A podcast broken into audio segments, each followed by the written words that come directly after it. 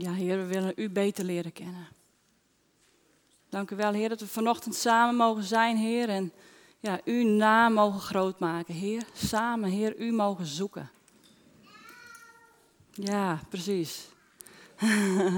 Heer, dank u voor de kinderen, Heer, dat ze zo op zo'n ochtend, Heer, mogen ja, opgroeien in een klimaat van aanbidding. In een, in, een, in een zaal van rust, Heer, waar we u de eer toe zingen. Heer, dank u wel dat onze kinderen zo ja, mee mogen krijgen dat het goed is om u groot te maken. Heer, in wat de omstandigheden ook zijn in ons leven, Heer, in vreugde, verdriet, Heer, we mogen altijd u groot maken. Heer, ik dank u. Dank u voor uw liefde, voor uw trouw. Dank u wel, Heer, dat u het woord vanochtend met ons wilt delen, Heer. Dank u wel dat u ons nieuwe dingen wil leren. Ik vraag zoals zegen voor de komende woorden die u met ons wilt delen. In Jezus' naam. Amen. Amen. Ik vind het een uh, vrolijke bedoeling eigenlijk deze ochtend. Ik kwam binnen, ik zei tegen Wigge, wat is iedereen uh, een beetje happy? ja, ik zie dat wel een beetje terug. Uh, er is een groep uit Ede. Nou, daar kom ik niet dagelijks. Dus ik ben Sietske. Ik preek hier regelmatig als gastspreker. dus, nou, dat ben ik. Dus dat was het. Meer voorstelling krijg je niet. Besteed het liever aan de Heer. dus we gaan lezen. Want ik lees graag boeken. En uh, dus uh, luister en huiver. Om twee uur s'nachts werd ik met een schok wakker. En de verschijnselen waren bekend. Een gevoel van opwinding en gevaar. Diep van binnen begon ik te bidden. God, wat is er mis? Is er iemand in gevaar? En op hetzelfde moment kreeg ik een beeld of visioen van goede vrienden van ons.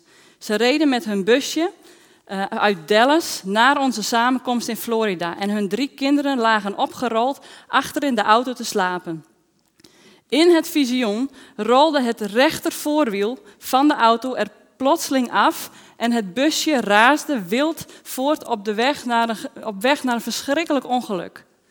En ik wist onmiddellijk dat ze in groot gevaar verkeerden en dat God wilde dat ik bad dat de wiellagers het zouden houden, totdat wij hun zagen en hen zouden kunnen waarschuwen.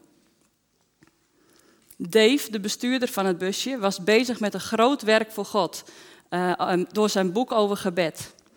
En de uren in die nacht sleepten zich voort waarin ik het uitriep tot God dat Hij het wiel op zijn plaats zou houden en hun beschermen zou. En de hele nacht ervoer ik hoe er in de hemelse gewesten een enorme strijd plaatsvond. De volgende dag hing ik rond bij de registratietafel. En toen onze vrienden arriveerden, rende ik naar hen toe en ik stortte me op hen. Is alles in orde met jullie? Is er iets met het busje gebeurd? En tussen de omhelzingen door zeiden ze dat alles goed was. En toen ik, mij, uh, toen ik hen vertelde over mijn nachtelijke uren van gebed, gaf Cheryl, dus de vrouw die in de auto zat, gaf toe uh, dat ze die nacht daarvoor een vreemd geluid in het busje had gehoord. Maar Dave, haar man, die had, had niks gehoord. Ik drong er sterk bij hen op aan om de, de na te laten kijken.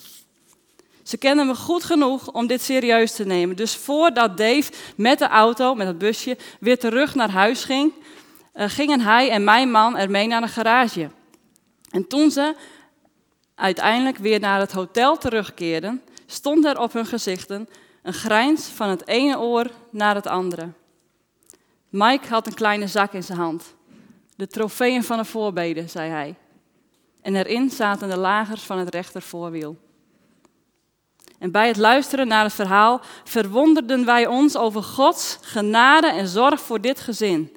De monteur had eerst de wiellagers van het linkerwiel eraf gehaald en toen geroepen: ik begrijp niet hoe u hiermee gereden kunt hebben zonder vastgelopen te zijn. En na het rechter voorwiel te hebben gecontroleerd, was hij pas echt verbaasd. Deze is nog erger dan de andere, riep hij uit. Hij zei dat het onmogelijk was dat ze hadden kunnen blijven rijden. Onmogelijk. Zonder dat de wielen eraf gekomen waren. Hij legde vervolgens uit dat de wielas, die eigenlijk helemaal vernield had moeten zijn, niet beschadigd was. Dave grinnikte en vertelde ons: we konden de gelegenheid om over de Heer niet voorbij laten gaan En dus zei ik, weet u waarom we hier naartoe zijn gekomen om de auto na te laten kijken? En het volgende half uur getuigde deze, deze man uh, tegenover een verbaasde monteur. En ik dankte God dat hij me in mijn hart, uh, in, in de nacht had wakker gemaakt om voorbeden te doen. Wat een gaaf verhaal. Denk ik, oh, dit zou je toch elke dag willen? Je wilt toch elke dag van dit soort verhalen worden? Ik denk wakker en uh, dat, je, dat je bidt voor iemand en dat er dan zo'n uitkomst is. Dat, er gezin, dat, dat zelfs een monteur gewoon echt helemaal perplex staat. Waar je met een onwaarschijnlijk goede auto, waar niks aan lijkt te markeren, komt. En alleen maar op een woord van gebed die auto laat nakijken. En dat dit, dit uh, het resultaat is. Uh, ik, hebben jullie dat wel eens? ik heb het niet dagelijks. Uh, maar wie heeft, er, uh, wie heeft wel eens zo'n ervaring meegemaakt? Dat je, dat je bidt, dat je... Ja, zie je, dus het, het gebeurt echt wel. En wie maakt de vraag wel wat makkelijker? Wie wordt s'nachts wel eens wakker en dat je denkt... Waarom word ik nou wakker? Nou, een beetje eerlijker, een beetje eerlijker. Ja, ja toch? Ja, dus uh, dan lijkt het soms zonder uh, ogenschijnlijke aanleiding dat je s'nachts wakker wordt. Nou, waar ik het over wil hebben vanochtend is, ik heb zelfs een servetje gekregen, wat lief. Uh, de verkoudheid is net weer over, net op tijd. ik wil het vanochtend hebben over de kracht van voorbeden. En dus ook specifiek over voorbidders. Uh, en ook algemeen bidden. Dus wat voor ons allemaal geldt. Dus je denkt van, oh ja, ik ben geen voorbidder, deze preek is niet voor mij. Pech. Hij is wel voor jou. Hij is voor ons allemaal. Dus we gaan lezen in Efeze 6, vanaf vers 10. Een bekend verhaal, maar we gaan allemaal nieuwe dingen leren. Verder, mijn broeders. Wordt gesterkt in de sterkte. Uh, sorry, verder, mijn broeders, wordt gesterkt in de Heer en in de sterkte van zijn macht. Bekleed u met de hele wapenrusting van God. Zullen we langzaam lezen, dan dringt het door. Bekleed u met de hele wapenrusting van God, opdat u stand kunt houden tegen de listige verleidingen van de duivel. Want wij hebben niet te strijden tegen vlees en bloed, maar tegen overheden, tegen de machten, tegen de wereldbeheersers van de duisternis van dit tijdperk en tegen de geestelijke machten van het kwaad en in de hemelse gewesten. Neem daarom de hele wapenrusting van God aan, opdat u weerstand kunt bieden op de dag van het kwaad. En na alles gedaan te hebben, uh, kunt u dan stand houden. En houd dan stand, staat er. Houd dan stand. Om, uh, uw middel omgord met één, met de waarheid. En bekleed met twee, het borstharnas van de gerechtigheid. En drie, met voeten geschoeid met de bereidheid om het evangelie te vertellen. En vier, neem bovenal het schild op van geloof. Waarmee u alle vurige pijlen van de boze zult kunnen uitblussen. En vijf, neem de helm op van de zaligheid. Dat is je redding. En zes, neem het zwaard van de geest. Dat is Gods woord. En doe dit terwijl u bij elke gelegenheid en met alle gebed en smeking bid in de geest. En daarin waakzaam bent. Met alle volharding en smeking voor alle heiligen. Alle, alle, alle, alle staat er. Alle gebed, alle smeking, alle dankzegging voor alle heiligen. Dan staat er nog, bid ook voor mij, zegt Paulus, opdat mij het woord gegeven wordt bij het openen van mijn mond, om met vrijmoedigheid het geheimenis van het evangelie uh, bekend te maken. Dus als ik het even uh, uh, samenvat, dan staat er één, word sterk. Hoe? Door één met de Heer te zijn. Wees verenigd, één zijn met de Heer. En dat doe je door, door zijn kracht, in die eenheid, door zijn kracht, uh, door je heen te laten werken. En waar moet je dat dan mee doen? Nou, met al die geestelijke wapens die je zijn gegeven. Zodat de duivel je geen kwaad kan doen. En waarom heb je die geestelijke wapens nodig?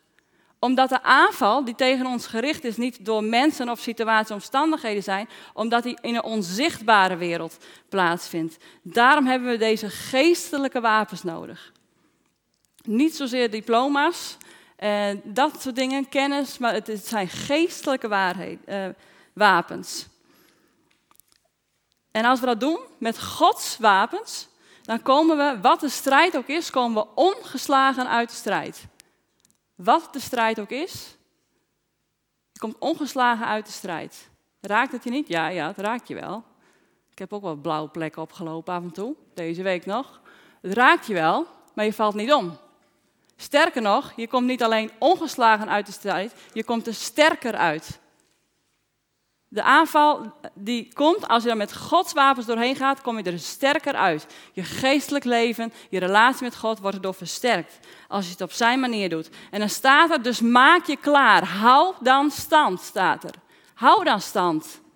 En dan geeft Paulus allemaal uh, geestelijke tools. Die hebben we net uh, genoemd, dus ik noem er nog even twee. Bijvoorbeeld, uh, of drie, weet ik veel, hoeveel hier staan. de gordel van de waarheid. Weet je, de gordel van de waarheid. Ik noem het altijd riem. Is dat Fries?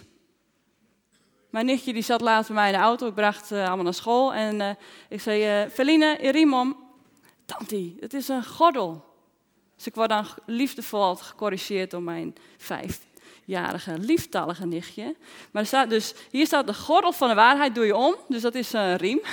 En er staat dan bijvoorbeeld op hè, uh, uh, de waarheid. Dus, dus was de waarheid? Wie is de waarheid? Jezus, goed zo, goed opgeleid. Dus er staat hier bijvoorbeeld, uh, Johannes 14, vers 6 staat dat. Jezus is de weg, de waarheid en het leven. Staat op je riem. Soms is het goed om even iets te visualiseren, want dan onthoud je het beter. Dus als je twijfelt in het leven, denk je, oh, wat is waar, wat, hoe moet ik het doen? Uh, dan is het, tada, Jezus. Jezus is de weg, de waarheid en het leven. Dus als je niet weet, dan ga je naar Jezus. Jezus is ook het woord en dan zeg je, Jezus, ik moet bij u zijn. Ik weet niet wat ik moet doen, ik twijfel op wat voor gebied dan ook, maar u bent de waarheid, u bent de weg en u bent het leven, dus ik weet dat ik bij u moet zijn. Dat is die gordel van de waarheid. Gordel van de waarheid. dan ga je Bijbel lezen en zeggen, Heer, Help mij, spreek door uw geest tot uw woord. Help mij door dit stukje twijfel heen en leer mij uw waarheid. Dus dat is een stukje geestelijke uh, wapenuitrusting, de, de gordel van de waarheid, uh, of de riem. Hè?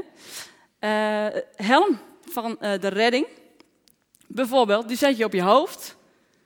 En dat is om je gedachten te beschermen. Nou, ik heb denk ik al vaak genoeg geleerd, die, die aanvallen zijn op onze gedachten gericht. Gaan we straks nog iets verder op in. Uh, dus dus je, je, moet je gedachten beschermen. Dus als er bijvoorbeeld twijfel komt, dan weet je dat je uh, uh, weet dat je weet dat je weet dat je gered bent. Er zit gewoon zo'n helm omheen. En als een pijl zegt van ah, je bent niet gered en je bent niet van God en je doet het niet goed, dan heb je een helm op van God, een geestelijke bescherming. Ik zeg, nee, ik, ben, ik ben wel gered. Ik heb mijn leven aan Jezus gegeven. Ik dien Hem. Ik ben niet volmaakt. Maar hij ziet, God ziet me door Jezus' ogen en ik mag in hem blijven. Hij is mijn rots. Op die helm staat bijvoorbeeld uh, Psalm 140, vers 8. En er staat: Heer, u bent mijn rots. U bent mijn behoud. U geeft dekking in de strijd. Daarom heb je een helm op. Dus hier staat bijvoorbeeld, hè, op de helm staat de Psalm 140, vers 8. Vergeet nooit weer. En op de riem stond Johannes 14, vers 6. Zo kan je, zo kan je leren om teksten ook te onthouden, bijvoorbeeld. Nou, je hebt nog één, noem ik het zwaard. Dat is Gods woord. Nou, Jezus is bij uitstek hier heel goed in. Die heeft dat heel mooi gedemonstreerd in bijvoorbeeld Lucas 4. Het staat ook in Marcus 4 dat hij in de woestijn werd verleid en dat Jezus, of eh, de Satan die, die daagde hem uit met bepaalde uitspraken. En elke keer ging uh, Jezus daar tegenin door te zeggen: Het woord zegt. Jij zegt dit, maar het woord zegt. En Satan had daar niet van terug. Er is geen hogere autoriteit dan het woord. Dus dat is het zwaard wat Jezus daarin zette. Het woord zegt. En zo gaat Paulus gaat zes geestelijke tools bij langs. En dan komt er een zevende wapen. Gebed. Gebed is hierin een soort uh, verrassingsaanval.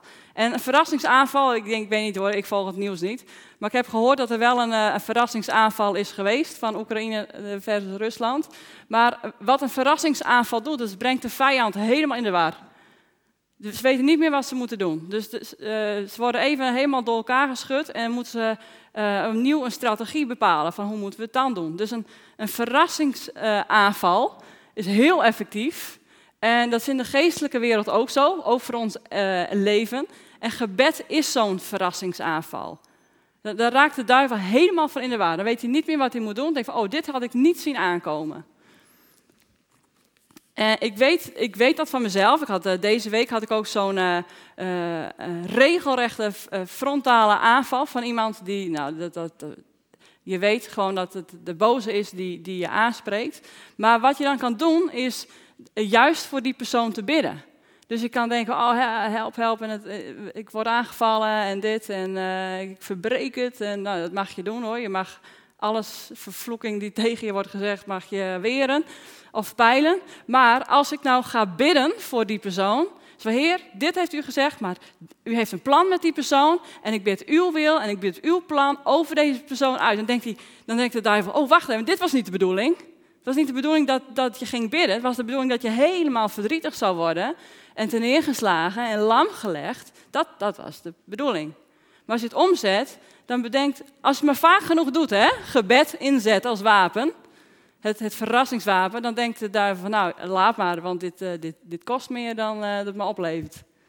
Hè, dus hij, wordt uiteindelijk zwakker. Het is een, een enorm goed verrassingsaanval. Um, en daarom uh, weerhoudt de boze Jook altijd om te bidden. En we lezen nog even die laatste tekst. Doe de wapenrusting dus aan, terwijl u, terwijl, terwijl u bij elke gelegenheid en met al het gebed en smeking bidt. In de geest, dus niet in het vlees.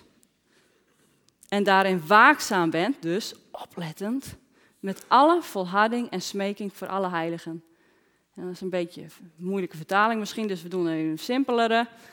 Er staat bid voortdurend. Dus wanneer?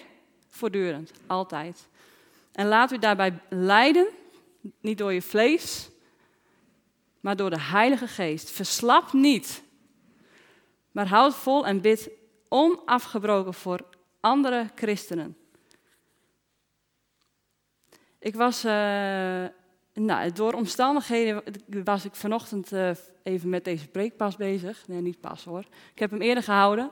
En ik was zo aan het bidden en ik zei, nou heer, zeg het maar. Gebed en, en uh, wapenrusting. En toen, ja, het was alsof de heer het voor me opschreef of zei. Hij zei, gebed is eigenlijk een soort, als wat het skelet is voor het lichaam. Dus je hebt vlees, en je hebt spieren en alles. Maar als het skelet er niet is, dan, dan uh, zak je in elkaar. En uh, met de, je hebt heel veel goede tools gekregen met de wapenrusting. Dus je hebt, uh, nou ja, we hebben ze net opgenoemd. Ja, je geloof en, en, en, je, en je redding en het zwaard. Maar het moet wel vastgehouden worden door iets. Want anders valt het ook maar op de grond. En gebed is eigenlijk het, het lichaam wat, wat de de, de wapens, de geestelijke wapens, vast kan houden. En zelfs dan moet je het nog activeren. Want anders dan word je zo'n, ken je die ijzeren uh, soldaat, of als je zo'n oud uh, kasteel komt, dan heb je zo'n zo soldaat. En dan, uh, is dat van ijzer of zo? Dan zie je met een hele wapenrusting, zo'n helm op en zwaard. En dat staat dan zo. Ja, dan gebeurt er ook nog niet zoveel. Dus, dus je hebt al die tools die in, de, in, het woord van God staan, die je kan gebruiken om het koninkrijk te brengen, maar ook om weerstand te bieden tegen de duivel. En dus de, maar de verrassing, wat alles bij houdt, is gebed. Dat is eigenlijk, nou ik wil niet zeggen het belangrijk, nou ja, het is wel het belangrijkst. Want gebed is relatie met God. Daar begint het zelfs mee. Er staat, blij, word sterk door één te zijn met de Heer. Hoe doe je dat één zijn? Communicatie, gebed. Nou, uh, Paulus heeft in zijn brieven, die zijn, zijn brieven zijn doorspekt met gebed. Dat valt je pas op als je erop gaat letten. In feite zegt hij ook steeds: stop nooit met bidden. En we pakken even de brief van de Colossense erbij. En er staat, uh, beginnen we met, ik doe het in drie punten. Dus de eerste wat hij bijvoorbeeld noemt in Colossensen is dat hij uh, zegt dat hij voorbeden doet voor de gemeente. Colossensen. Er staat, wij danken de God en Vader van onze Heer Jezus Christus altijd wanneer wij voor u bidden. Omdat wij gehoord hebben van uw geloof in Jezus Christus en van de liefde die u hebt voor alle heiligen. Enzovoort. Hij zegt hier, Paulus doet voorbeden. Ik bid voor de gemeente. En dat zie je in heel veel brieven die hij schrijft. Dan zegt hij, ik bid voor jullie. Ik bid voor de gemeente. En ik weet daarom dat het goed is en belangrijk is dat we bidden voor de gemeente. Dat het ook goed is dat er hier gebeden wordt voor deze gemeente. Uh, wij hebben dat in de, onze gemeente hebben we het ook. We hebben voorbedenteams aangesteld door het oudste team. Of, of misschien bestuur, ik weet niet of het oudste team hier is of dat het bestuur heet of anders. Maar door de leiders is dat aangesteld. En uh, dat is een, het is een ondersteunende taak. Maar essentieel. Essentieel. Ik ben er deel van. Uh, maar hoe ziet dat eruit? Deze mensen die bidden thuis heel veel. Dit zijn voorbidders. Deze mensen bidden thuis heel veel. Hun leven ademt gebed en woord en proclamatie. En daarnaast hebben zij gezamenlijk voorbedenavonden. Bij ons is dat één keer in de, in de twee weken komen zij samen en dan bidden ze voor alle leiders, voor alle sprekers, opdat het hun wel gaat, opdat hun geestelijk leven groeit, dat Gods kracht door hun heen kan werken voor bescherming van hun gezinnen, voor bloei in hun gezinnen. Daar bidden ze voor. Zij bidden voor alle clusters. Dat Gods waarheid helemaal doorspekt wordt in de clusters. Voor de kinderen, voor de tieners. Uh, en dat de gemeente mag bloeien en open mag staan voor nieuwe mensen. Enzovoort. Het is een hele blije club. Uh, ik heb, vanochtend waren we heel even boven. En hier heb je net zo'n blije club. Die waren net ook aan het bidden. En uh, dat geeft me een thuisgevoel. En soms bidden deze, deze voorbidders, deze club, die bidt uh, ook voor dingen die specifiek aangedragen worden door, door bijvoorbeeld, hier zou het kunnen zijn, door het pastoraat of uh, door oudsten of bestuurders. Van willen jullie specifiek hiervoor bidden? En vaak zeggen de oudsten erbij, we kunnen niet alle details vertellen, maar bid hiervoor. We hebben gesprekken over dit en dat en dat vinden we lastig. Willen jullie dit in gebed dragen? Want we weten dat God een uitkomst hierin heeft, maar ik wil jullie, willen jullie de weg vrij bidden, zodat we Gods antwoord ook kunnen zien. En dit is dus wat ons voorbedenteam doet. En dat doen ze niet alleen thuis en als ze één keer per twee weken bij elkaar zijn, maar ook in de dienst. En dan zitten ze achterin, er zit bij ons altijd een rijtje. En wat doen die? Tijdens de dienst, die observeren wat er gebeurt. Die, die voelen in de geest, zij zijn getraind. Dit is, de, dit is het zijn de waarnemers eigenlijk. Een deel, deel van de waarnemers, waar jullie twee weken geleden over gehad hebben. Een deel van de waarnemers zijn voorbidders. En wat zij doen, is zij, zij nemen waar. Wat is er deze week aan de hand? Waar, wat zijn de pijlen van de, van de boze deze week? Is het twijfel, irritatie? Is het niet kunnen opletten? Uh, zeker nu, als we het met gebed hebben, over gebed hebben, zal je zien dat je continu afgeleid wordt. Dat is typerend voor gebed. Dus let op. Dat kan een aanval zijn. Dus let op. Probeer je gedachten hierop te richten. Preken over gebed is zelfs lastig soms. Maar uh, dus zij observeren de ruimte van wat is hier aan de hand, Heer? Wat gebeurt hier? Is, het, is het verwarring? Is het verdriet? Is het uh, oneenigheid thuis? Weet je dat net heel veel mensen thuis wat ruzie of zo hebben gehad met de kinderen voordat ze naar de dienst gaan? Zij observeren dat en zij weren dat af met het schild van geloof, weet ik nou in ieder geval. Ze weren het af, weet je? en ze, ze, ze, ze, ze staan op ten behoeve van de gemeente. Zodat de gemeente niet belemmerd wordt door afleidingen om God te aanbidden en het woord te horen. Dat doen zij. Maar meer nog dan dat ze dat doen, uh, vliegen zij nog een stukje hoger en zien zij wat God doet. De, kijk, je hebt, drie, je hebt drie levels, zeg maar. Het eerste level, als we het even gewoon in de gemeente houden, is het, wat je ziet en hoort. Dus, uh, oh, fantastische muziek, moet ik even zeggen. Dus maar, mooie zang. Uh, nou, het licht is goed, dus dat is wat je ziet en wat je hoort. Of uh, nou, het geluid is te hard of te zacht. Je, je kent wel mensen als je vraagt hoe was de dienst, dan hoor je die zong vals of die zong heel goed. Het geluid was te hard of te zacht of die zat heel storend in de dienst. Dus die let alleen op de zichtbare dingen. Nou, en dan heb, je, dan heb je de tweede laag, dat is de onzichtbare wereld. Dus dat is van, ik voel me niet rot, ik kan me niet concentreren op de aanbidding. En uh, uh, dat je nog met een gesprek in je maag zit van afgelopen week. Dat is de onzichtbare wereld. Dat is ook waar de, de duivel je echt even kan pakken. Dat je geïrriteerd bent of afgeleid. Of, of uh, misschien wel je wel boos als je een bepaald lied ziet. Denk ik, ik ben het er niet mee eens. Weet je, zoiets. Het is de onzichtbare geestelijke wereld. Afleidingen, pijn, irritatie. Nou, we hebben ze net genoemd. Of lauwheid. Noem maar op. en dan heb je nog die derde laag, en dat waar voorbeders, die zijn gewoon getraind om daar bijna altijd te zitten. Die vliegen eroverheen en die zien wat God doet. Laatst was iemand, was een voorbidder. Voorbidders die zijn over het algemeen blije mensen, want die weten wat God gaat doen. Ja, die zeggen van, oh, ik, dit is wat ik zag. En ik zag een rivier van vuur door de zaal gaan. En nou ja, God ging echt fantastische grote dingen doen. En dat werd bevestigd door toevallig onze voorganger. Dus dan zie je verschillende dingen bij elkaar komen. Denken, dit moet van God zijn, want het zijn drie mensen die precies hetzelfde beeld krijgen over één dienst. Dan denk je, oh jee, dan moet dat wel van God zijn, daar word je blij van. Dank u wel, Heer, dat u in onze gemeente bezig bent. Nou, zo gaat het dan uh, bij ons als voorbidders in de dienst. Uh, en uh, door de Heilige Geest kunnen wij dit allemaal. We kunnen dit allemaal op deze manier te leven. Voorbidders zijn gewoon uh, meer getraind om dit gewoon sneller op te pikken. Maar we kunnen het allemaal. Waarom? Omdat we gemaakt zijn om te communiceren met God. Omdat we gemaakt zijn om te weten wat Gods wil is. Als u wil weten wat God verlangt, vraag het hem dan. Jacobus 1, vers 5.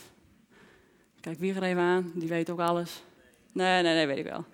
Maar, um, dus, dus vraag God als iets van, hij wil het geven. Hij heeft ons gemaakt voor communicatie en door Jezus en met hulp van de Heilige Geest is het mogelijk om dingen te weten. Um, maar, maar voorbidders die, die, die hebben een, een, een leven van woord en gebed. Bijvoorbeeld zoals de profetes Anna uh, in Lucas 2, die, um, die was dag en nacht, staat er, of dagelijks, in de tempel biddend en vastend aanwezig. Biddend en vastend. Dat was haar leven. Die was al, weet ik het, uh, tientallen jaren een weduwe. En, en die was, dat was haar leven. Bidden en vasten. Dat was een profetes. Alle profeten zijn voorbidders. Die, die bidden, die bidden, bidden, bidden. Die zien wat God doet en die bidden. Niet alle voorbidders zijn profeten. Maar wel alle profeten zijn voorbidders. Veel voorbidders hebben wel profetische inzichten. Dat wordt een andere preek. Gaan we niet op in. Maar dan weet je dat even. Maar door de Heilige Geest kunnen we dit allemaal. Wat, zo, wat ik voorlas uit het boek, kan ons allemaal overkomen. En ik wil dat u dat even weet, want uh, anders sukkelen we in slaap met z'n allen. Dat we denken, nou ja, dat is voor speciale mensen. Maar we hebben allemaal, allemaal, God kan tot ons allemaal spreken. Ik wil het echt aanwakkeren, dat je alert bent, denk je, niet van, oh, ik moet meer bidden. Nee, oh, maar vannacht kan het wel zijn dat God door mij spreekt. Ik werd vannacht wakker, precies op 0000. Precies om 12 uur. Dus uh, nou ja, dan ben je bezig met zo'n preek. Heer, uh, voor wie moet ik bidden? Is er iemand? Nou, soms krijg je niks, hè, wees eerlijk. Maar ik had twee mensen op mijn hart. En uh, eentje daarvan heb ik gelijk voorbeden voor gedaan. Maar ik had haar ook geappt, dus ik las vanochtend een berichtje terug. Want ik zei, ik heb deze week een aantal keren aan jou gedacht. En ik moet bekennen, ik heb toen niet gebeden. Maar gisteravond dacht ik dus weer en vannacht ook aan die persoon. En ik dacht, ik heb het niet één keer omgezet in gebed. Dus vannacht, ik appte haar, ik zei, uh, ik heb een paar keer aan jou gedacht. En ik ga voor jou bidden deze week. Ze zei, oh, bijzonder dat je deze week een aantal keren aan mij hebt gedacht. Want er zijn ontzettend uh, grootste dingen, bijzondere dingen gebeurd. Zij had gebed nodig. En denk ik, verdrie, ik heb het gemist. Ik heb het wel gedacht, maar ik heb het niet ingezet als gebed. We missen zo vaak wat God al tegen ons zegt. Dus ik hoop dat het je aanwakkert om te luisteren. En dat het geen schuldgevoel is van ik moet maar dat het een verlangen in je op mag wekken om meer te bidden. Dus het eerste is dat Paulus gewoon ook zegt: Ik bid voor de gemeente. En ik zie dat als e- in elke gemeente zijn er mensen die een taak krijgen om te bidden voor de gemeente. Volgens mij staat het vrij om op de ochtendbidstond uh, in te uh, stromen. Kwart over negen. Dus als je zegt, nou ik weet eigenlijk niet zoveel van voorbeden af, maar triggert me wel.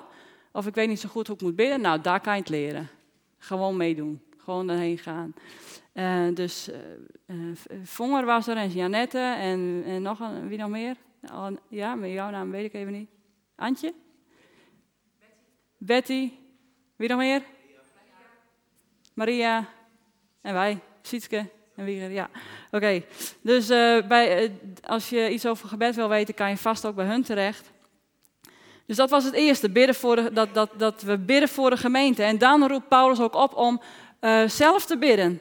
Hij roept op tot gebed. Want hij zegt in Colossense 4, vers 2, hij zegt, uh, houd sterk aan. En dan zegt hij tegen de gemeente, dus ik zeg het ook tegen jullie. Houd sterk aan in gebed. En wees daarin waakzaam. Wees alert. Met dankzegging. dankzegging is een soort van, dan weet je bijna altijd dat je in de geest bidt. Want anders is het oh, mopper, mopper, mopper en dit moet gebeuren. Maar dankzegging dan bid je gouden dingen van God. Dank u wel dat u dit doet. Dank u wel dat u, weet je, dus dat, snel bid je in de geest als je begint met dankzegging. Met dankzegging, je gaat de voorhoven bij God binnen met lof, met dankzegging. Zo kom je binnen bij God. Niet met gemopper, maar met dankzegging. En Paulus roept dus alle gemeenteleden, dus iedereen die hier zit, alle gemeenteleden op, houd sterk aan in gebed. Anders word je zo iemand die een hele of een halve wapenrusting aan hebt en niks mee doet. Zo, zo staat. En dat, dat omschrijf je vaak van, nou ja, ik ben een beetje in slaap gesukkeld. Zo voel je dat soms. Hè? Of vertwijfeld. Maar misschien zeg je, ik ben geen bidder. Um, maar um, dat is eigenlijk geen optie.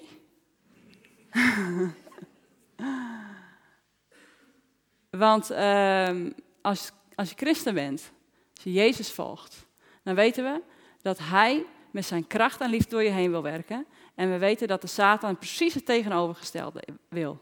Dus je bent met het moment dat je christen wordt, ben je een target. Wat is target in het Nederlands? Een doel voor de duivel om, uh, om je aan te vallen, om je te pesten, om je uit je bestemming te halen. Dus dan kan je niet zeggen, nou ja, ja, ik ben gewoon geen bidder. Uh, de keuze is niet reuze. De keuze is niet reuze. Nogmaals, ik uh, wil niet dat je druk voelt. Want als je schuld voelt van ik doe het niet goed genoeg, dat zal God niet tegen je zeggen. God zegt niet van, oh, je doet het niet goed genoeg, je bidt niet goed genoeg en je doet dit. Dat is van de duivel. God overtuigt. Weet je wat God doet? Zegt oh, dat, dat, dat krijg je dan. Ik, oh, ik wil dit ook, ik wil dit weer oppakken, ik wil hier meer van leren. Dat zijn dingen die God naar boven brengt. Uh, ik, ik, las uh, een leuk boek, dat heet De Vrolijke Voorbidder. En uh, daar stond het volgende in. Veel bidders maken zich voortdurend zorgen over wat de vijand nu weer zal doen. Maar het is de taak van elke christen om zich in gebed op God te richten en door de geest te laten leiden. Als bidder en zeker als voorbidder, als je een specifieke taak hebt, heb je de opdracht om erachter te komen wat God van plan is. En dat is het tegenovergestelde van wat de vijand zegt. Als je zo bidt, sluit je aan bij wat God wil. En als je bidt naar zijn wil, dan weet je dat het verhoord wordt. Amen. Je moet ervoor kiezen, en dat is die alertheid, die waakzaamheid, dat je niet je gebed door angst of zorg of irritatie laat leiden maar door de geest. Ik was een keer uh, was ik in een uh, samenkomst en ging ook nog over gebed. En er was iemand achter, uh, achter mij die zat, die maakte allemaal aparte geluidjes. Ik weet niet meer of het geluidjes of, of woordjes waren. Dat, is een, een, neurologische afwijking, dan, dan kan dat. Dan te pas en onpas komt er wat uit. Of is demonisch, dat kan ook. Um, maar het, was echt heel, het is heel vervelend als er iemand achterin steeds zegt: Hallo, hallo.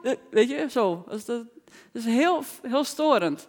Dus ik had eerder al eens achterom gekeken. Ik, oh ja, ja, nou, dus even bidden en was klaar. Dus ik kon me gewoon richten op uh, wat gepredikt werd. Er zat iemand naast me en die zei op een gegeven moment: Ik kan me, ja, ik irriteer me zo, zei hij.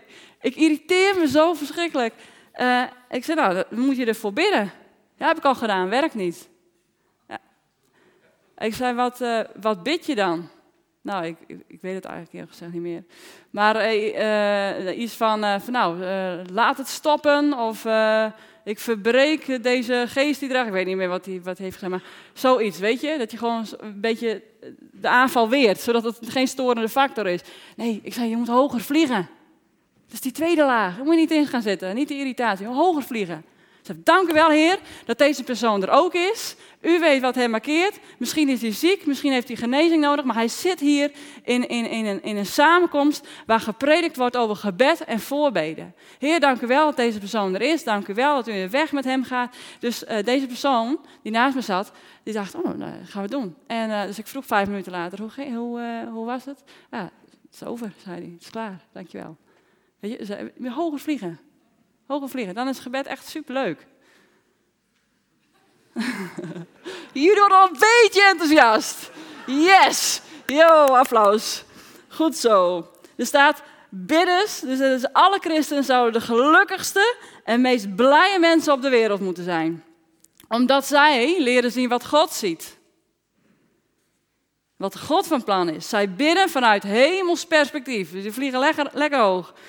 En de hemel is vol blijdschap, vol vrede. Wat was er ook alweer over Jezus uitgegoten? Vreugdeolie. Als je dicht bij Jezus blijft, lekker uh, in de derde hemel uh, zweeft, met je voeten aarde, want daar zijn we nou eenmaal. Maar dan, dan, dan kan het niet anders dan dat je met vreugde leert bidden. Het is oefening, het is oefening. Dat, kunnen we leren. En dan staat er in dit boekje, staat, de wereld heeft behoefte aan blije, opgewekte, levenslustige kinderen van God, die vanuit blijdschap liefhebben en dienen. Amen?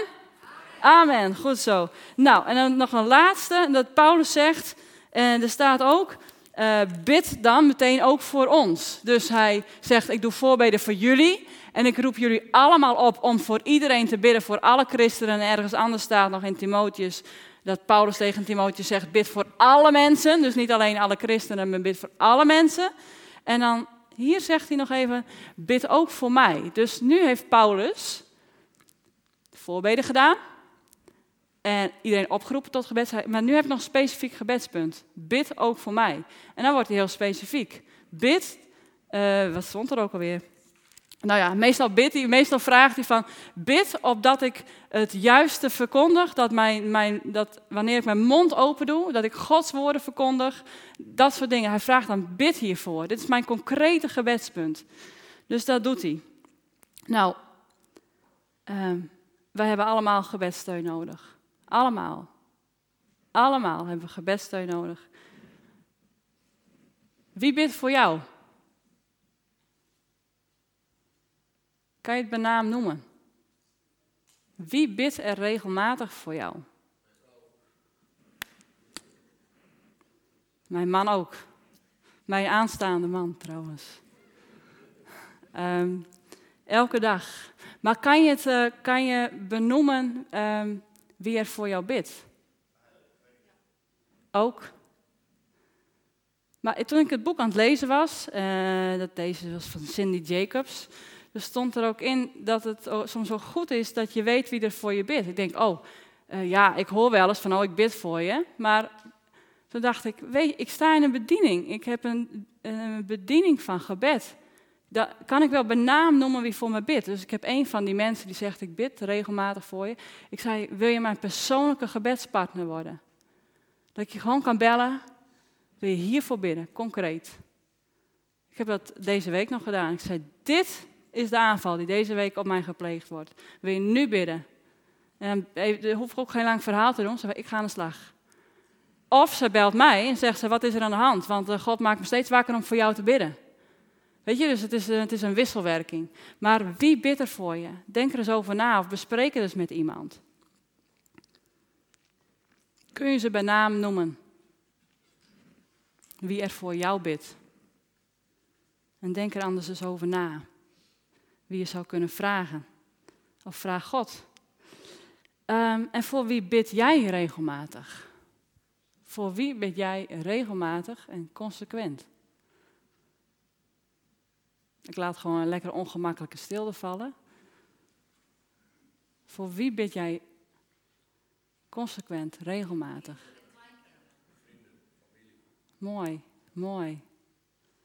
Gaaf. Ja. Kom maar op. Ja. Mooi. Maar Gods hart is zo groot. Um, dus uh, we, we, gaan allemaal bidden, maar uh, God kan niet jou alle gebedsverzoeken geven. Dus het kan zijn dat jij een, een, een hartsverlangen krijgt, een harteklop om te bidden voor studenten.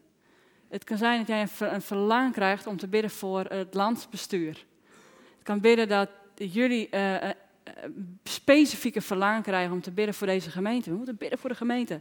Moet iedereen dan op die bidstond komen? Nee, iedereen heeft een beetje een andere taak. Maar bidden doen we allemaal. Dus, dus kijk daarna. Bid. Voor wie bid jij? Regelmatig. En we schieten allemaal tekort. Oké? Dat is gewoon zo.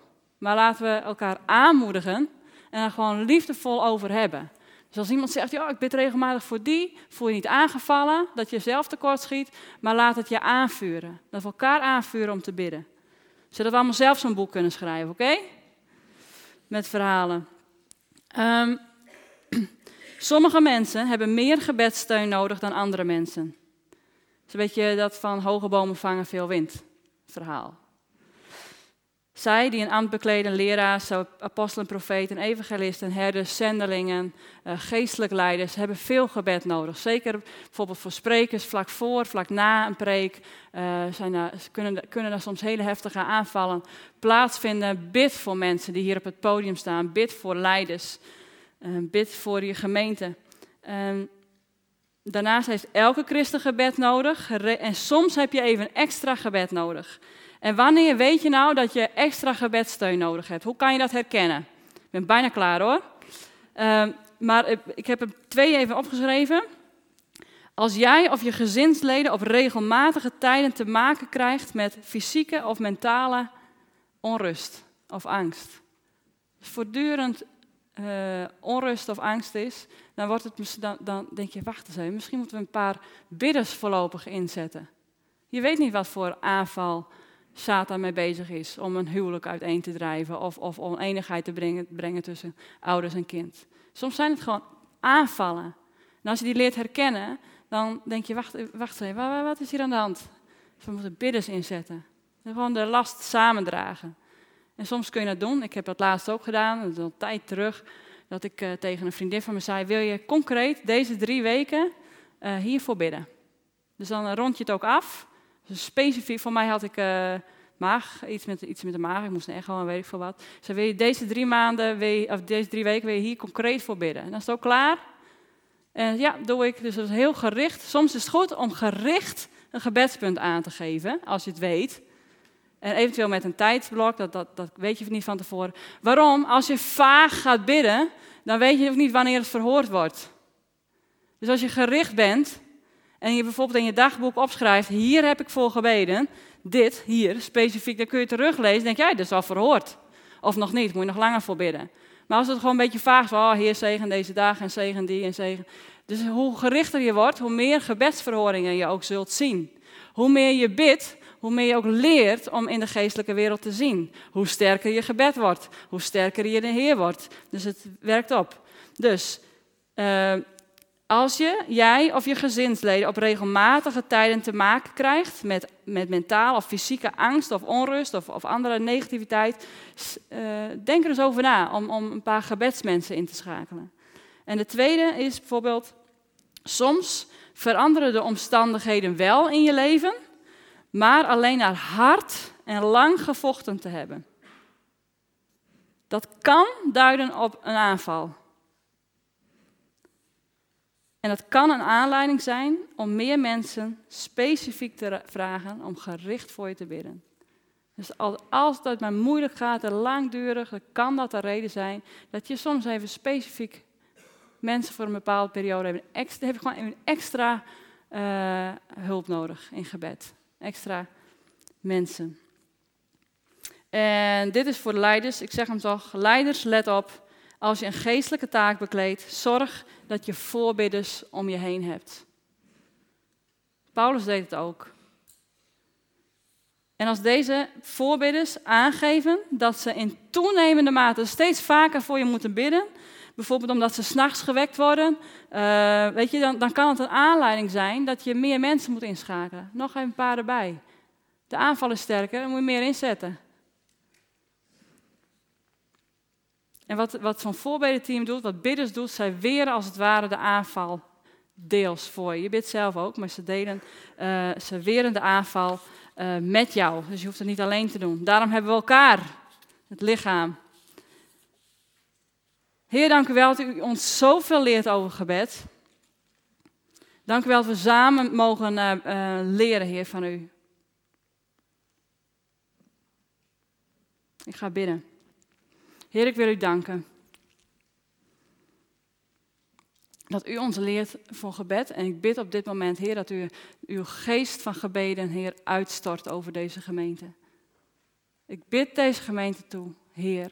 Waai door de rijen op dit moment. Spreek ons hart aan. Heer, u wil altijd uw hart met ons delen, Heer Jezus. En u kent ons persoonlijk. En u Weet wat u met een ieder persoonlijk wilt delen. En ik bid dat u op dit moment komt met uw geest, Heer, een hart aanraakt, Heer. En een hart van gebed in hun legt. Heer, het is voor ons allemaal, Heer. Van klein tot groot, van jong tot oud, is voor ons allemaal, Heer. Hoe ziek we zijn, dan kunnen we nog een gebedsleven hebben. En u dienen, Heer, door in de bres te staan voor andere mensen. Heer, om uw koninkrijk de ruimte te geven om baan te breken, Heer. Heer, u, u wil dat we bidden. U vraagt om ons, te, ons om te bidden. En ik bid dat u het op dit moment in ons legt. Spreek tot ons hart. Raak onze harten aan. Wakker een verlangen in ons hart aan, Jezus. En ik bid, Heer, wanneer we deze week ingaan, Heer, wanneer we denken aan mensen, Heer, help ons.